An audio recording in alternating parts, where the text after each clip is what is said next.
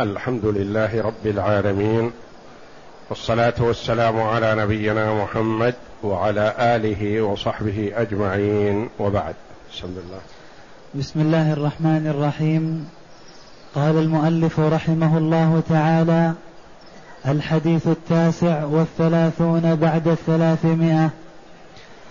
عن عمر بن الخطاب رضي الله عنه أنه استشار الناس في إملاص المرأة. فقال المغيرة بن شعبة رضي الله عنه شهدت النبي صلى الله عليه وسلم قضى فيه بغرة عبد أو أمة فقال لتأتين بمن يشهد معك فشهد معه محمد بن مسلمة. إملاص المرأة أن تلقي جنينها ميتا.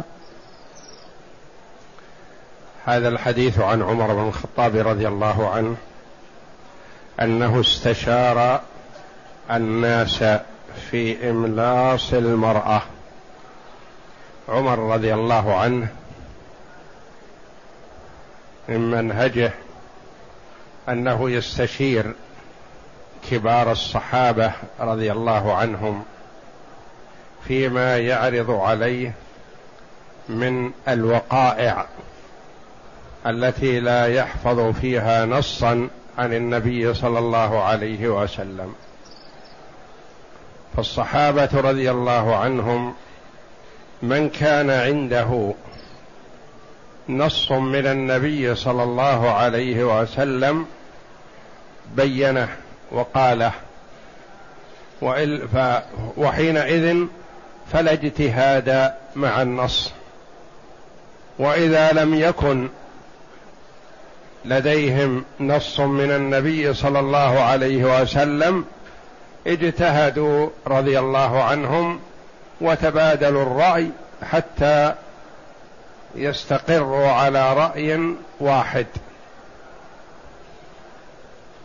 استشار الناس في إملاص المرأة. إملاص المرأة يعني سقوط الجنين من بطنها نتيجة تعد عليها. إما ضربها بيد أو ضربها بحصاة أو بعصا أو آه، تسلط عليها بأي نوع من أنواع الأذى ينتج عن هذا سقوط الجنين. فأقيمت هذه الدعوى عند عمر رضي الله عنه فجمع الصحابة رضي الله عنهم واستشارهم في هذا. قال المغيرة بن شعبة وكان كثيرا ما يلازم النبي صلى الله عليه وسلم. شهدت النبي صلى الله عليه وسلم قضى فيه يعني في إملاص المرأة فيما تسقطه المرأة من جنين ذكرا كان أو أنثى. قضى فيه بغرة. والغرة الأصل فيها البياض. والرقيق سمي غرة رفعا لشأنه لئلا يقال عبد أو مملوك أو نحو ذلك. فيسمى غرة. فلما جاء بهذا الخبر وقد خفي على عمر وعلى عدد من الصحابة رضي الله عنهم أحب عمر رضي الله عنه أن يتأكد خشية أن يكون توهم من المغيرة بن شعبة. لتأتين بمن يشهد معك فشهد معه محمد ابن مسلمة رضي الله عنه. بأن النبي صلى الله عليه وسلم قال هذا القول.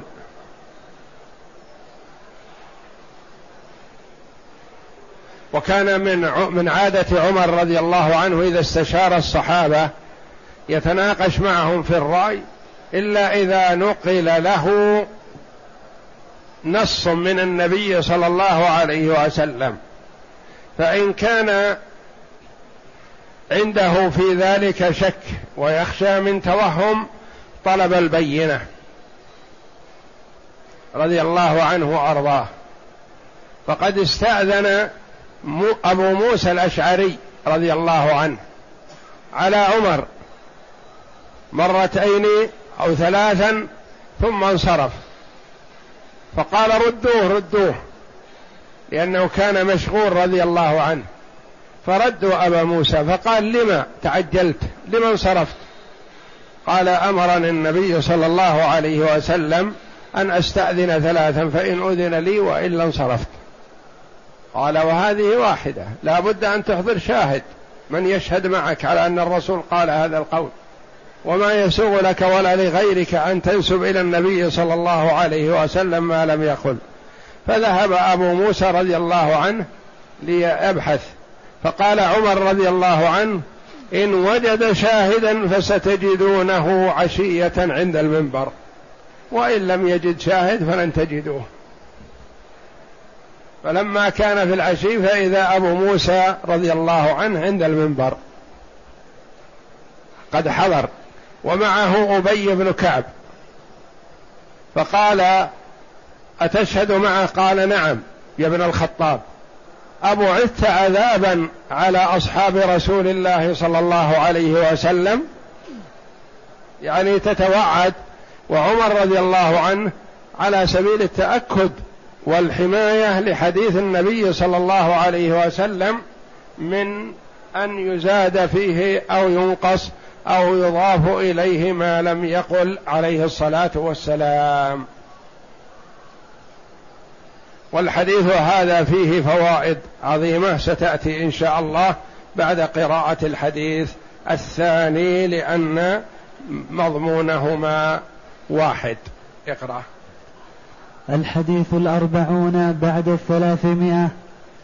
عن أبي هريرة رضي الله عنه قال اقتتلت امرأتان من هذيل فرمت إحداهما الأخرى بحجر فقتلتها وما في بطنها فاختصموا إلى النبي صلى الله عليه وسلم فقضى النبي صلى الله عليه وسلم أن دية جنينها غرة.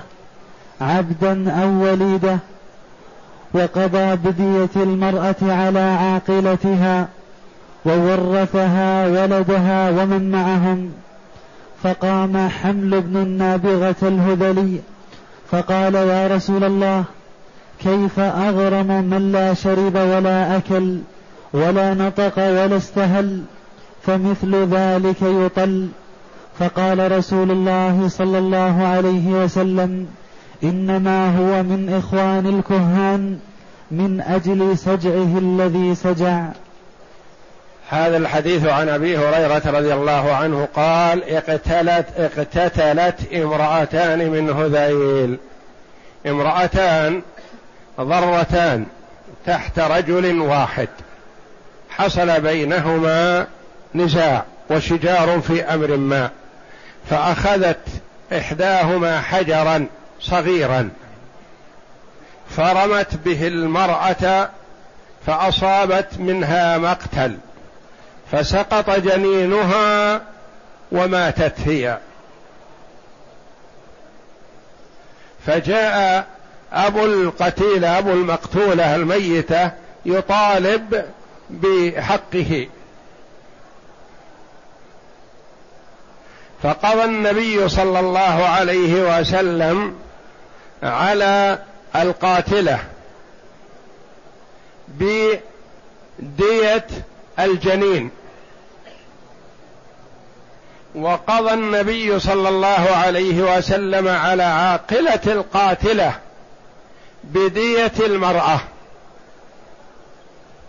فالمرأة الآن حامل ومتعدا عليها وجنينها له دية. وهي لها دية. الجنين قضى فيه النبي صلى الله عليه وسلم بغرة. والغرة تقدر بخمس بعشر دية أمه. عشر دية الأم.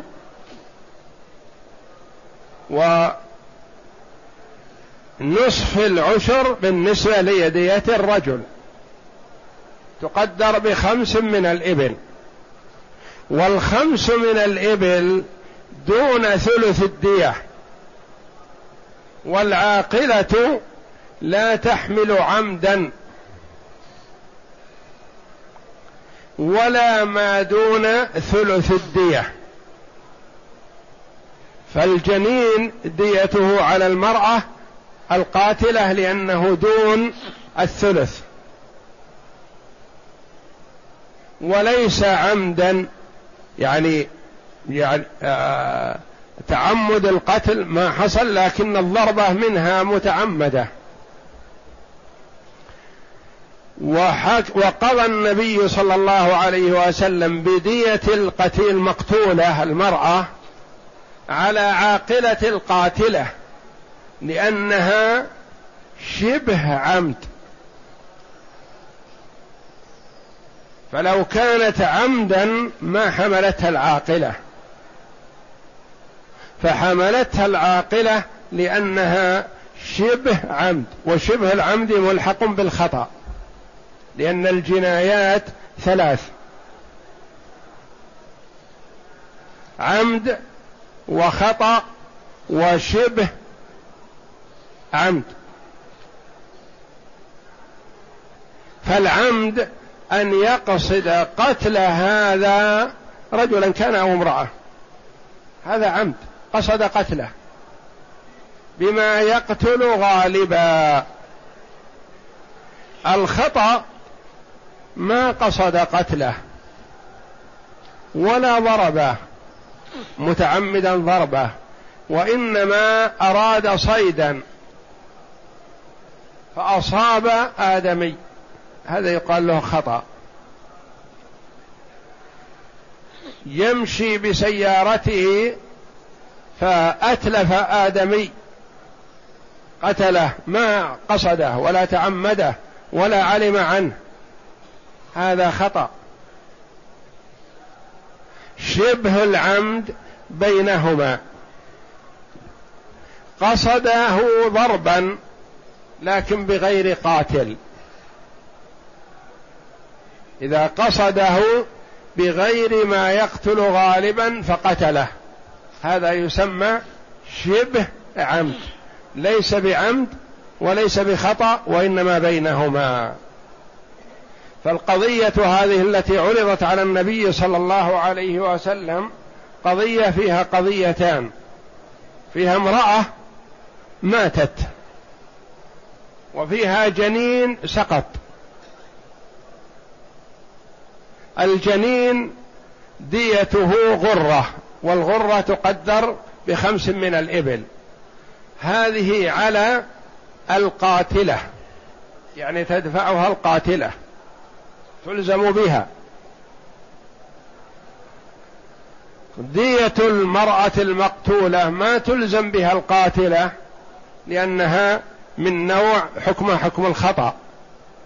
شبه العمد تحمله العاقلة من نوع الخطأ. تحملها عاقلة المرأة القاتلة. لأن من حكمة التشريع أن قتل الخطأ يكثر. وإذا كان على القاتل نفسه فقد تكثر عليه الديات وهو ما قصد. ما قصد قتلا ولا قصد أذى. فجعل الله جل وعلا الديات التي تنشأ من الخطأ أو شبه العمد على عاقلة القاتل رجلا كان أو امرأة. وعاقلته هم عصبته من الذكور. الأقرب فالأقرب. توزع عليهم حسب اجتهاد الحاكم حسب استطاعتهم.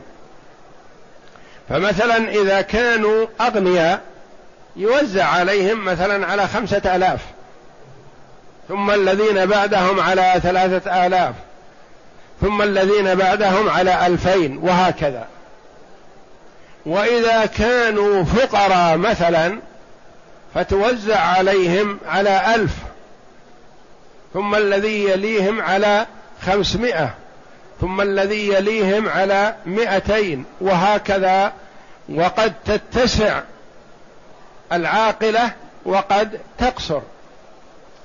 أحيانا يقوم بها من العاقلة مثلا خمسة أو ستة. دية خمسين ألف مثلا واحد مجموعة خمسة من القريبين هذا عليه عشرة هذا عشرة هذا عشرة خلاص.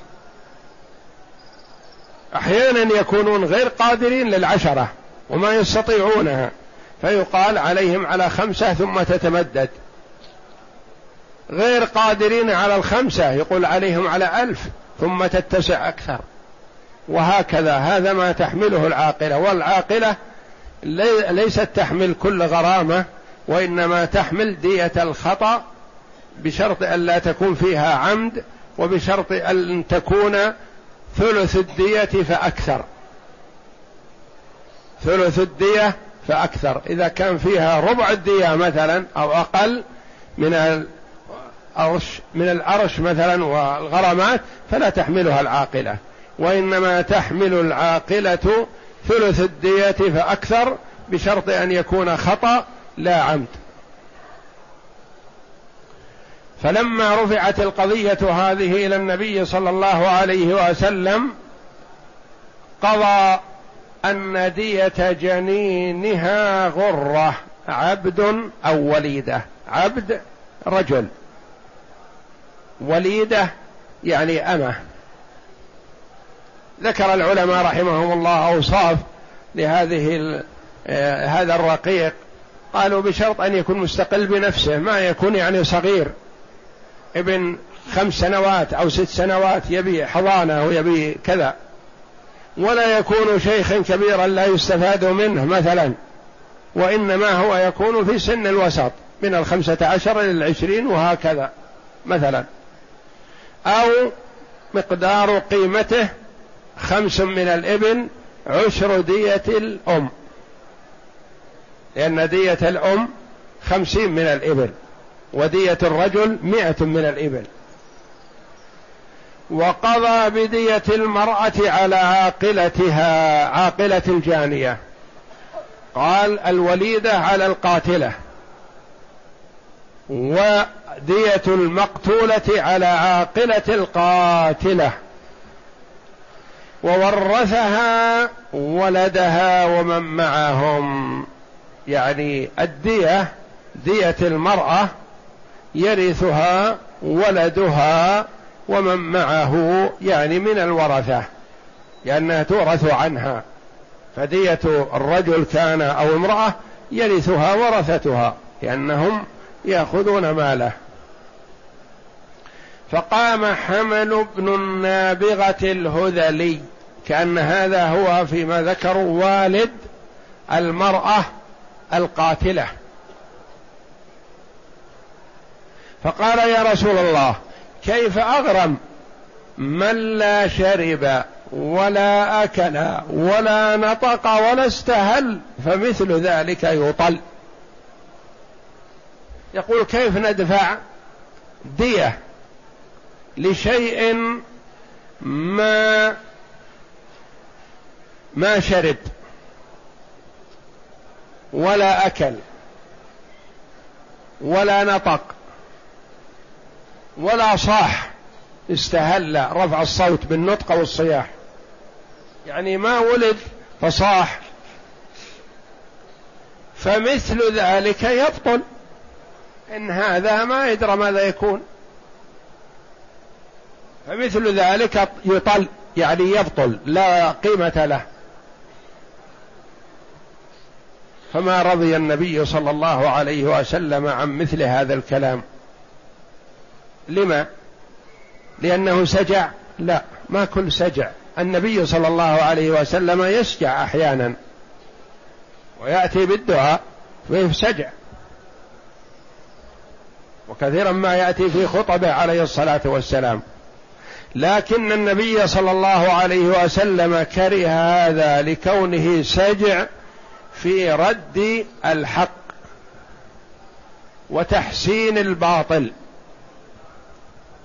فقد يأتي الرجل بكلام منمق يروق للسامعين ويستحسنونه لكن مضمونه رد الحق.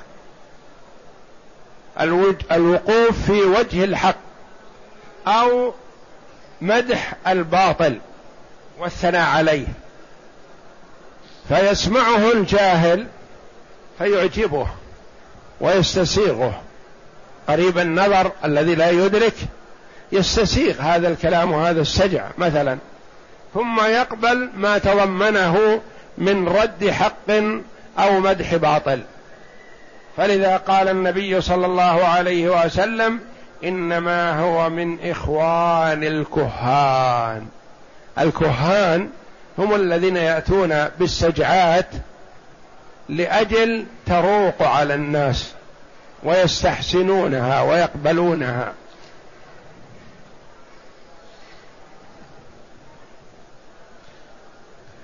من أجل سجعه الذي سجع من أجل سجعه الذي سجع كيف سجعه؟ سجعه لرد حكم النبي صلى الله عليه وسلم. وهل يسوغ لعاقل أن يأتي بكلام يرد فيه حكم رسول الله صلى الله عليه وسلم وقد أخبر الله جل وعلا عن عبده ورسوله بأنه لا ينطق عن الهوى إن هو إلا وحي يوحى.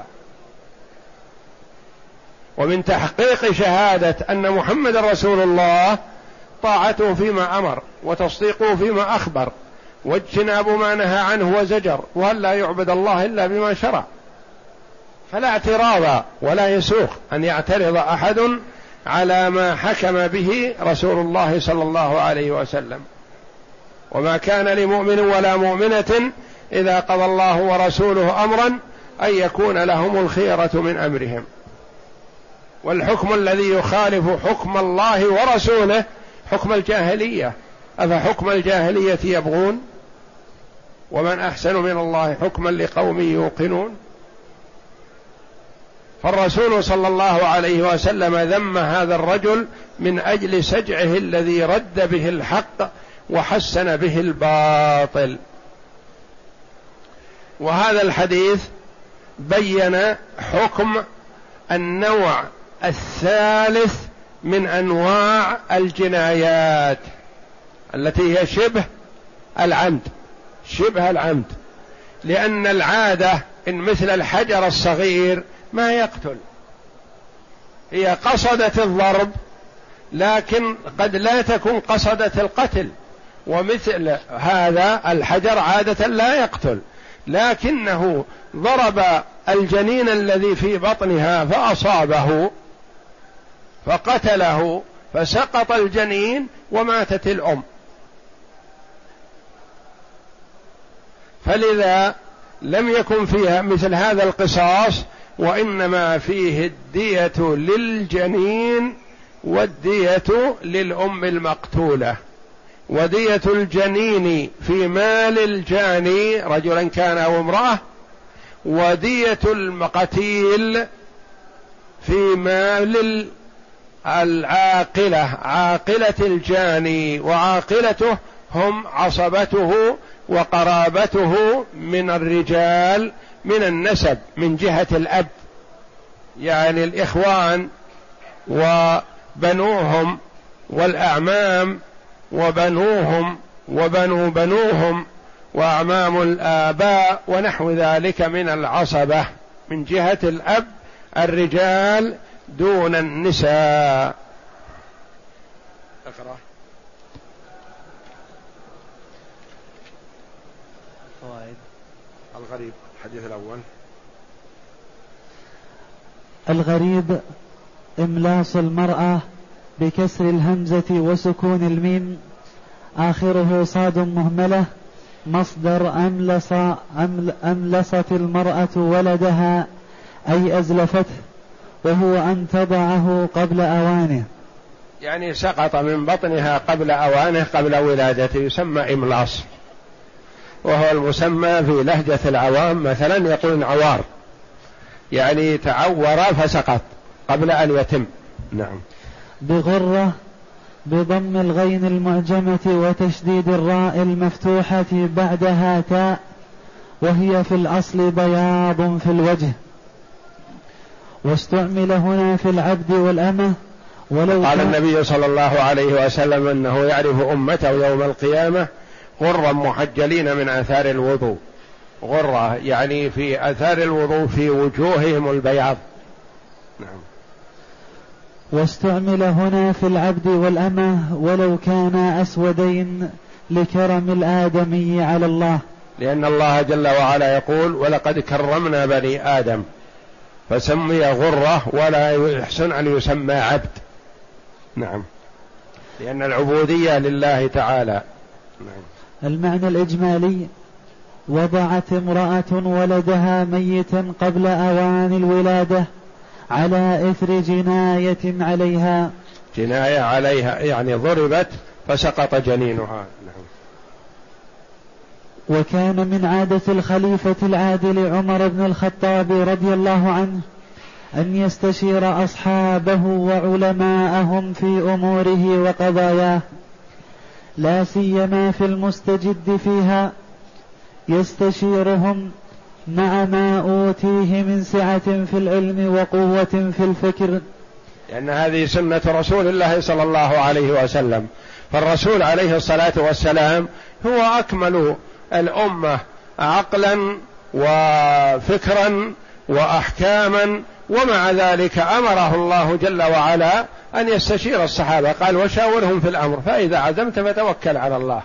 وهذا تشريع للأمة وأنه لا ينبغي للوالي أو القاضي أو من يتولى أمرا من أمور المسلمين أن يستبد بالرأي بل إذا أشكل عليه شيء أن يستشير أهل العلم وأهل الرأي والمشورة. لما في أخذ رأيهم من استخراج غامض العلم وإصابة لصادق في الإصادق الحكم وتأليف قلوبهم وجبر خواطرهم والعمل بقوله تعالى وأمرهم شورى بينهم. هذه صفة مدح للمسلمين المؤمنين أنهم أمرهم أن أمرهم شورى بينهم يعني يتشاورون. نعم. فحين والتشاور فيما لم يكن فيه نص.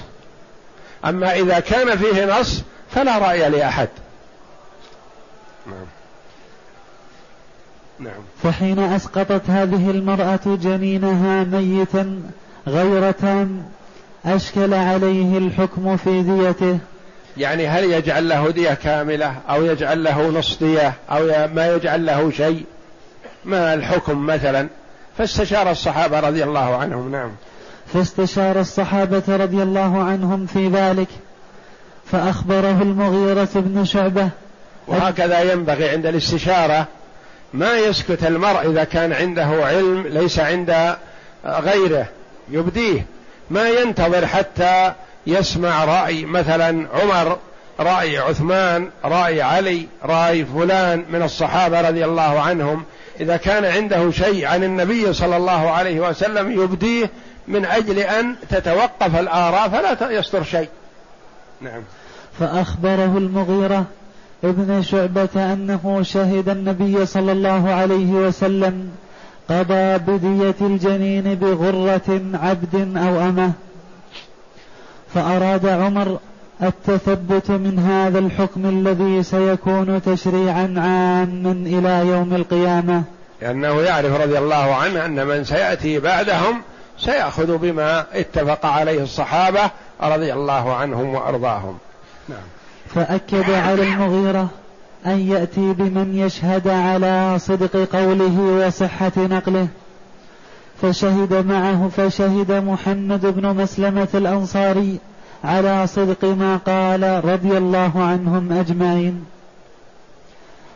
ما يستفاد من الحديث أولا أن دية الجنين إذا سقط ميتا بسبب الجناية عبد أو أمة أن إذا سقط حيا ثم مات بسببها ففيه دية كاملة.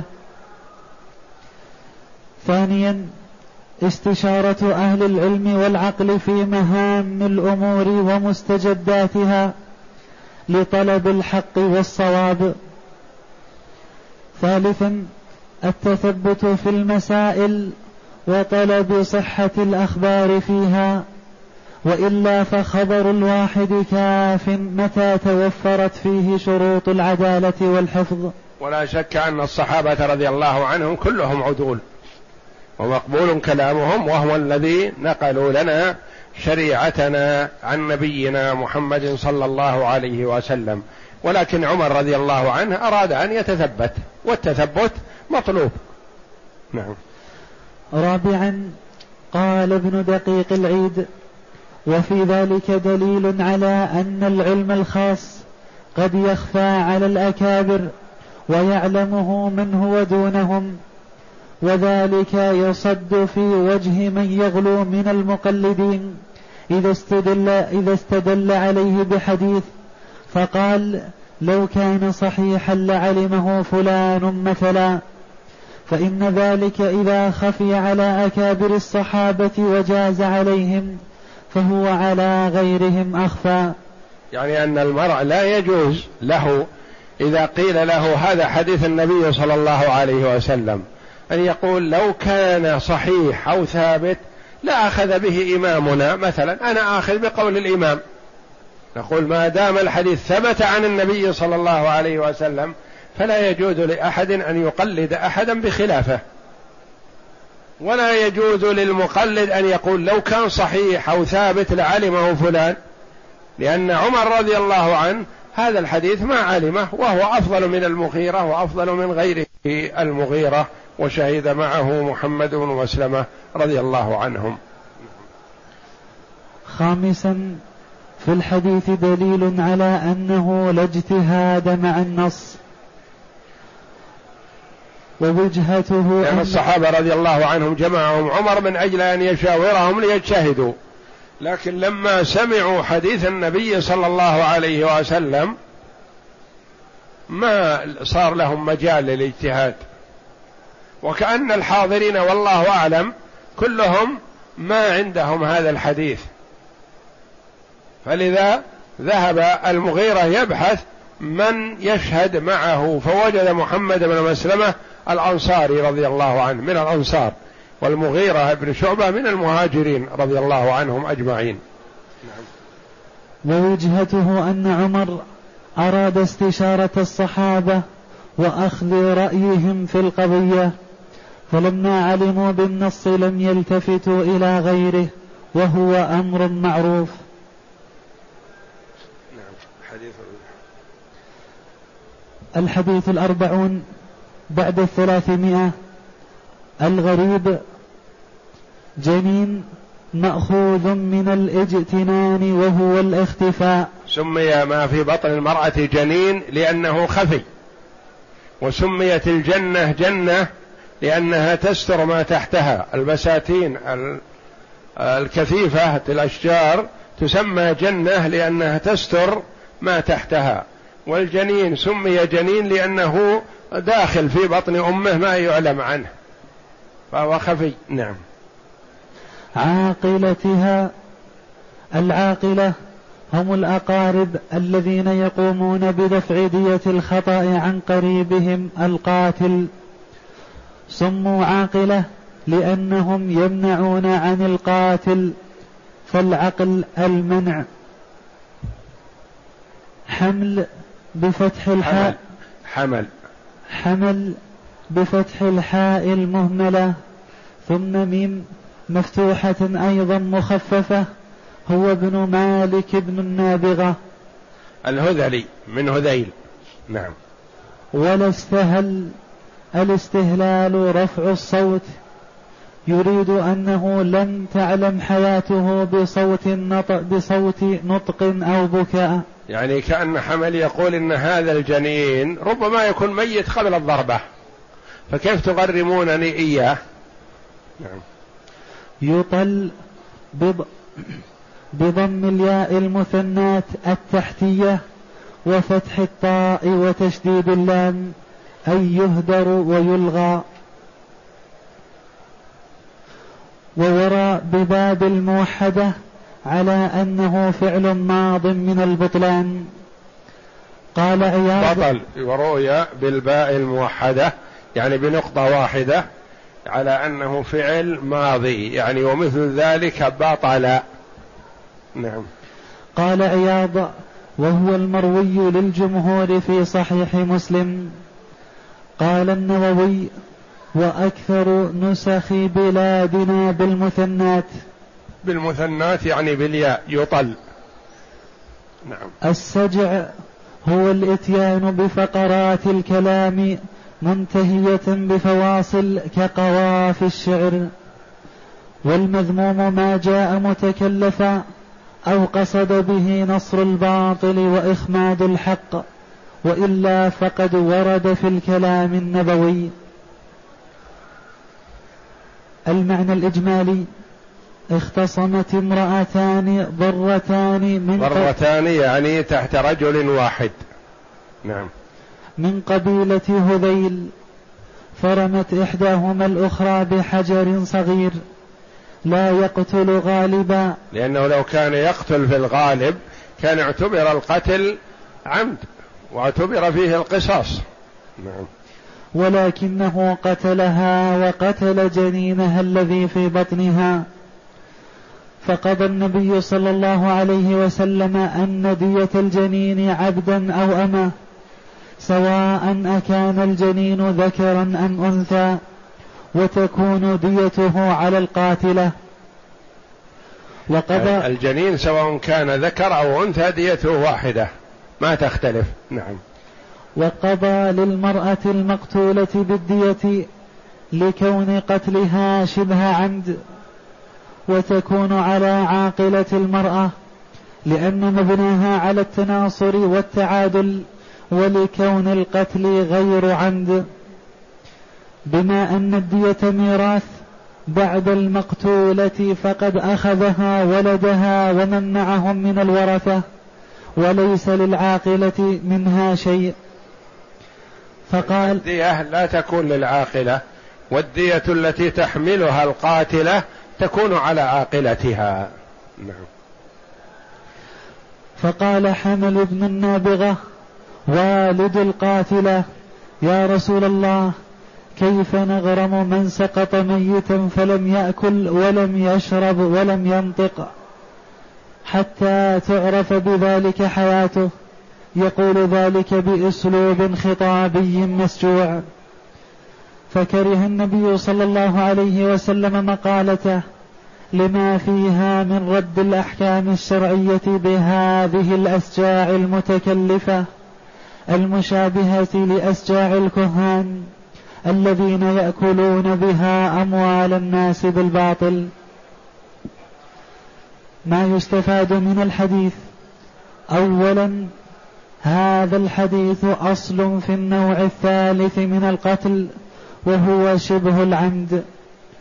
النوع الثالث لأن النوع الأول قتل العمد والنوع الثاني القتل الخطأ والنوع الثالث شبه العمد يعني بين الخطأ والعمد. نعم. وهو أن يقصد الجاني الجناية بما لا يقتل غالبا. كالقتل بالحجر الصغير أو بالعصا الصغيرة. فحكم هذا النوع من القتل أن تغلظ الدية على القاتل ولا يقتل. ثانيا أن دية شبه العمد ومثله الخطأ تكون على عاقلة القاتل وهم الذكور من عصبته القريبون والبعيدون ولو لم يكونوا وارثين. لأن مبنى العصوبة التناصر والتآزر وهذه الجائحة وقعت عليه بلا قصد فناسب مساعدتهم له ولو كان غنيا. ولكن تخفف عنهم بتوزيعها عليهم حسب قربهم وتؤجل عليهم مقسطة إلى ثلاث سنوات. كذلك التقسيط هذا مما ينفعهم. مثلا يقال على هذا ثلاثة آلاف. يدفع في هذه السنة ألف ويدفع بعد سنة ألف آخر ويدفع بعد السنة الثانية ألف الثالث. تقسط عليهم ثلاث سنوات. نعم. ثالثا يعني ثلاث سنوات ما في سنتين. يعني يدفع الألف في الأول بعد سنة. ويدفع الألف الثاني بعد السنتين. ويدفع الألف الثالث مثلا بعد ثلاث سنوات. تقسط في ثلاث سنوات. ما يقال ادفع الألف الآن وإنما يقال عليك ثلاثة ألاف.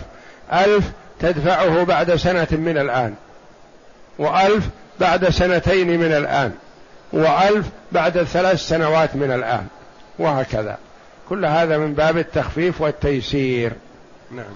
ثالثا أن دية الجنين الذي سقط ميتا بسبب الجناية غرة عبدا أو أمة فقدر الفقهاء قيمة هذه الغرة بخمس من الإبل تورث عنه كأنه سقط حيا. تورث عنه كما تقدم لنا في دية الجنين. قلنا يقدر أنه حي ثم يقدر أنه مات لتورث عنه تلك الغرة. تقدير يعني وإلا ما ندري عنه ربما يكون ميت من قبل لكن يقدر أنه حي. في البطن. ثم يقدر أنه مات بسبب هذه الجناية فتورث عنه هذه الغرة. نعم. ودية الجنين على القاتل لا على العاقلة لأنها أقل من ثلث الدية. وما كان أقل من ثلث الدية فإن العاقلة لا تتحمله. العاقلة تحمل الجائفة فما فوق. ولا تحمل ما دون الجائفة لأن الجائفة فيها ثلث الدية. نعم. رابعا أن الدية تكون ميراثا بعد المقتول لأنها بدل نفسه وليس للعاقلة فيها شيء. خامسا قال العلماء إنما كره النبي صلى الله عليه وسلم سجع حمل ابن حمل, حمل ابن النابغة. حمل ابن النابغة لأمرين. الأمر الأول أنه عارض بحكم الله تعالى وشرعه ورام إبطاله. الأمر الثاني أنه تكلف هذا السجعات بخطابه لنصر الباطل كما كان الكهان يروجون أقاويلهم الباطلة بأسجاع. تروق السامعين فيستميلون بها القلوب ويستضيفون بها الأسماع. فأما إذا وقع السجع بغير هذا التكلف ولم يقصد به نصر الباطل فهو غير مذموم. وقد جاء في كلام النبي صلى الله عليه وسلم فقد خاطب الأنصار بقوله أما إنكم تقولون عند تقلون. أما إنكم تقلون عند الطمع وتكثرون عند الفزع. النبي صلى الله عليه وسلم يمدح الأنصار رضي الله عنهم يقول إنكم تقل تقلون عند الطمع. يعني إذا كان في توزيع أو عطاء أو كذا ما يتكاثرون ويتزاحمون. ما يكون يحضر منهم إلا القليل والآخرون يبتعدون. أما إذا كان فزع يعني أمر يستدعي الحضور أو يستدعي الخروج للقتال فإنكم تكثرون فهم مدحهم في هذا رضي الله عنهم وأرضاهم. نعم. وفي دعائه صلى الله عليه وسلم اللهم إني أعوذ بك من علم لا ينفع وقول لا يسمع يسمع. وقول لا يسمع وقلب لا يخشع ونفس لا تشبع. يعني فقرات مسجوعة منتهية بالعين كلها لكنه آه، دعاء وكلام حسن. اللهم إني أعوذ بك من علم لا ينفع وقول لا يسمع وقلب لا يخشع ونفس لا تشبع. أعوذ بك من هؤلاء الأربع. هذا من سجعه صلى الله عليه وسلم وهو سجع حسن. والله أعلم. وصلى الله وسلم وبارك على عبد ورسول نبينا محمد وعلى آله وصحبه أجمعين.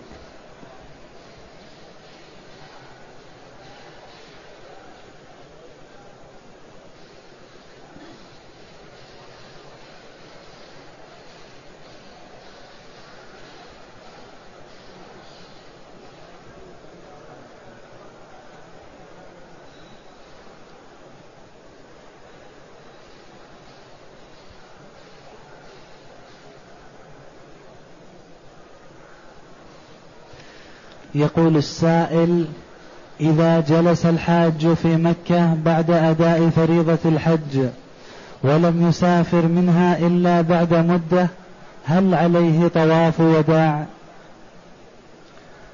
الوداع عند السفر. أما من أقام بمكة فلا يقال له ودع لأن الوداع للسفر. فإذا أقام بمكة بعد الحج مثلا ثم أراد السفر بعد محرم أو بعد صفر يودع.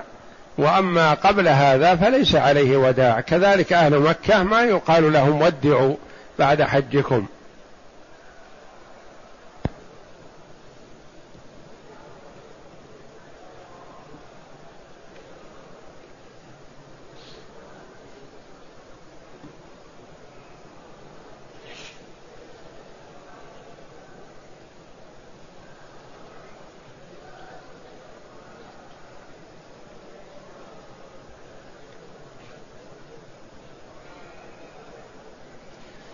يقول السائل أنا شاب قد من الله علي بالهداية ولله الحمد وكنت آخذ بعض الأموال من والدي دون علمه ولا أعلم قيمة هذه الأموال علما بأن والدي حي فكيف أردها؟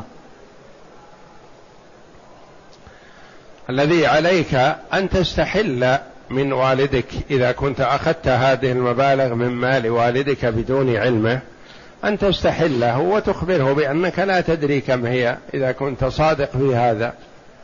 فإن أذن لك وإلا فتغرم له هذه الأموال التي تظن أنك أخذتها براءة لذمتك. نعم. يقول أيهما أفضل في صلاة الليل زيادة عدد الركعات أم زيادة قراءة القرآن؟ زيادة عدد الركعات مستحب حتى تصل إلى وتر النبي صلى الله عليه وسلم. إحدى عشرة ركعة أو ثلاثة عشرة ركعة. فإذا أتيت بها واتسع معك الوقت أو اتسع لها وزيادة فتطيل القراءة والركوع والسجود. فإذا كان الوقت ضيق وتحب أن تأتي بوتر النبي صلى الله عليه وسلم فتخفف القراءة والركوع والسجود لتستكمل وتر النبي صلى الله عليه وسلم اقتداء به عليه الصلاة والسلام. أما إذا كان في الوقت سعة فيحسن أن تطيل الركوع والسجود وتطيل القراءة مع الإتيان بالعدد. يقول السائل هل يجوز استعمال الحنة الصناعي لتغيير لون الشعر الأبيض؟ تغيير الشيب مستحب. النبي صلى الله عليه وسلم لما جيء له بأبي قحافة رضي الله عنه والد أبي بكر الصديق رضي الله عنه ورأسه ولحيته كالثغامة بياضا قال غيروا هذا وجنبوه السواد. وقال إن أحسن ما غيرتم به هذا الشيب الحنة والكتم. فيستحب وينبغي تغيير الشيب بالحنة والكتم أو بالحنة أو بالزعفران ولا يغير بالسواد. لقوله صلى الله عليه وسلم وجنبوه السواد فالحنة معروف والكتم أسود فإذا مزجا معا خرج لهما لون مناسب. ليس بأحمر كحمرة الحنة وليس بأسود المنهي عنه فيكون بينهما.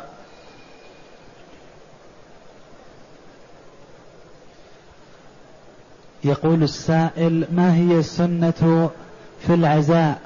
وهل صنع الطعام مدة أيام العزاء بدعة؟ يكره لأهل الميت أن يصنعوا الطعام للناس. ولا يجوز لهم ذلك وإنما يستحب أن يصنع لهم هم الطعام. يصنع لهم الطعام لقول النبي صلى الله عليه وسلم لما جاء نعي جعفر بن أبي طالب رضي الله عنه. فقال عليه الصلاة والسلام اصنعوا لآل جعفر طعاما فقد أتاهم ما يشغلهم.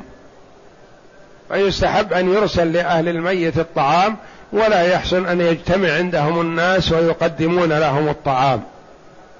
فإن كان تقديم الطعام هذا من مال الميت فيكون على حساب الورثة وفي منهم المسامح بهذا ومنهم غير المسامح أو غير المستأذن أو الصبي الصغير فيحرم هذا لأن هذا من أكل مال الغير بالباطل.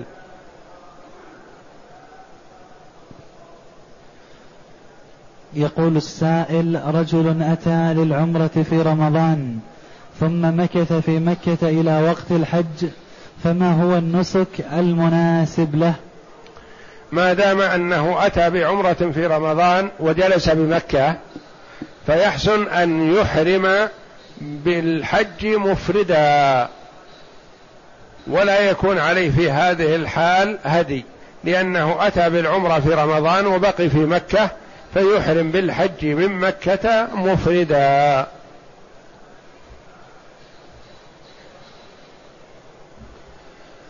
يقول السائل الحاج المفرد إذا رمى جمرة العقبة في يوم العيد وحلق هل يجوز له لبس المخيط؟ وهل يجوز له بعد له طواف الإفاضة وسعي الحج بالثياب؟ وهل يقصر بعدها؟ نعم المفرد بالحج إذا رمى جمرة العقبة وحلق أو قصر له أن يتحلل التحلل الأول. يلبس ملابسه العادية ويتطيب ويقلم أظافره ونحو ذلك ولا يقرب زوجته. ويطوف ويسعى بثيابه. فإذا طاف وسعى فقد تحلل التحلل الكامل حل له كل شيء حتى النساء.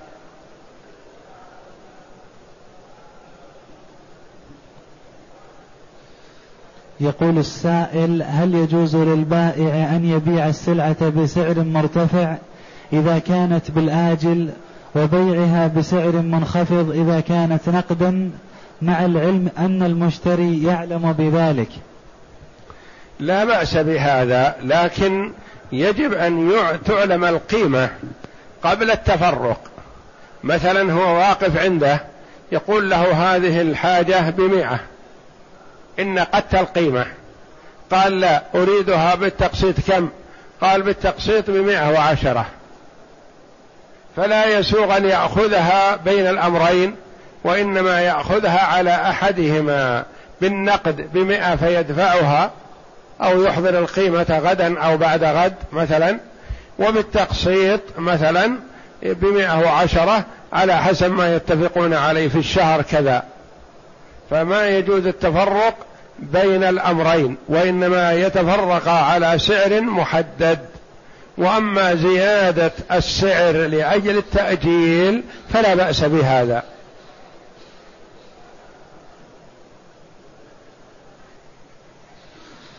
يقول السائل أنا أعمل وأقيم في مكة منذ ثمانية أشهر وأنوي الحج فهل أداء العمرة في أشهر الحج يتطلب علي هدي أثناء الحج؟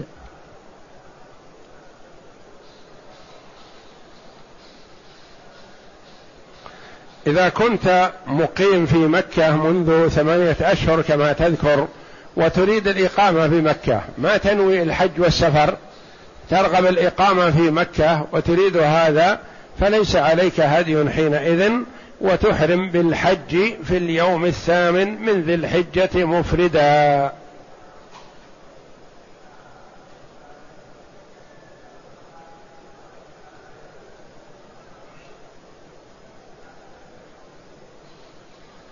يقول ما حكم شرب الدخان؟ وهل هو حلال أم حرام؟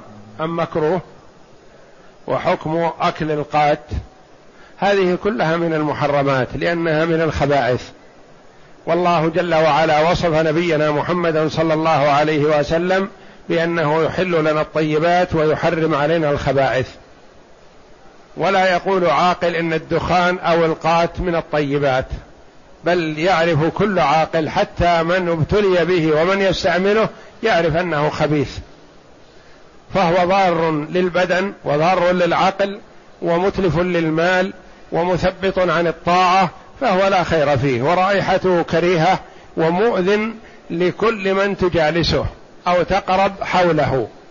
فكثير من الناس يتضرر ويتأذى أذى كثيرا بجلوس من يشرب الدخان بجواره. فهو ضار وضرره عظيم ولا يشك عاقل أنه من الخبائث وما دام أنه من الخبائث فالنبي صلى الله عليه وسلم وصفه ربه جل وعلا بأنه يحل لنا الطيبات ويحرم علينا الخبائث.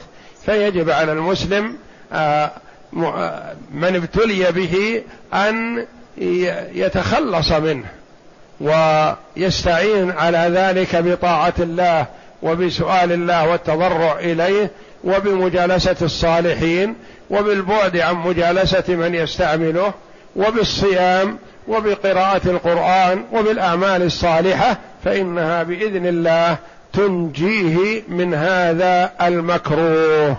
والله أعلم وصلى الله وسلم وبارك على عبد ورسول نبينا محمد وعلى آله وصحبه أجمعين.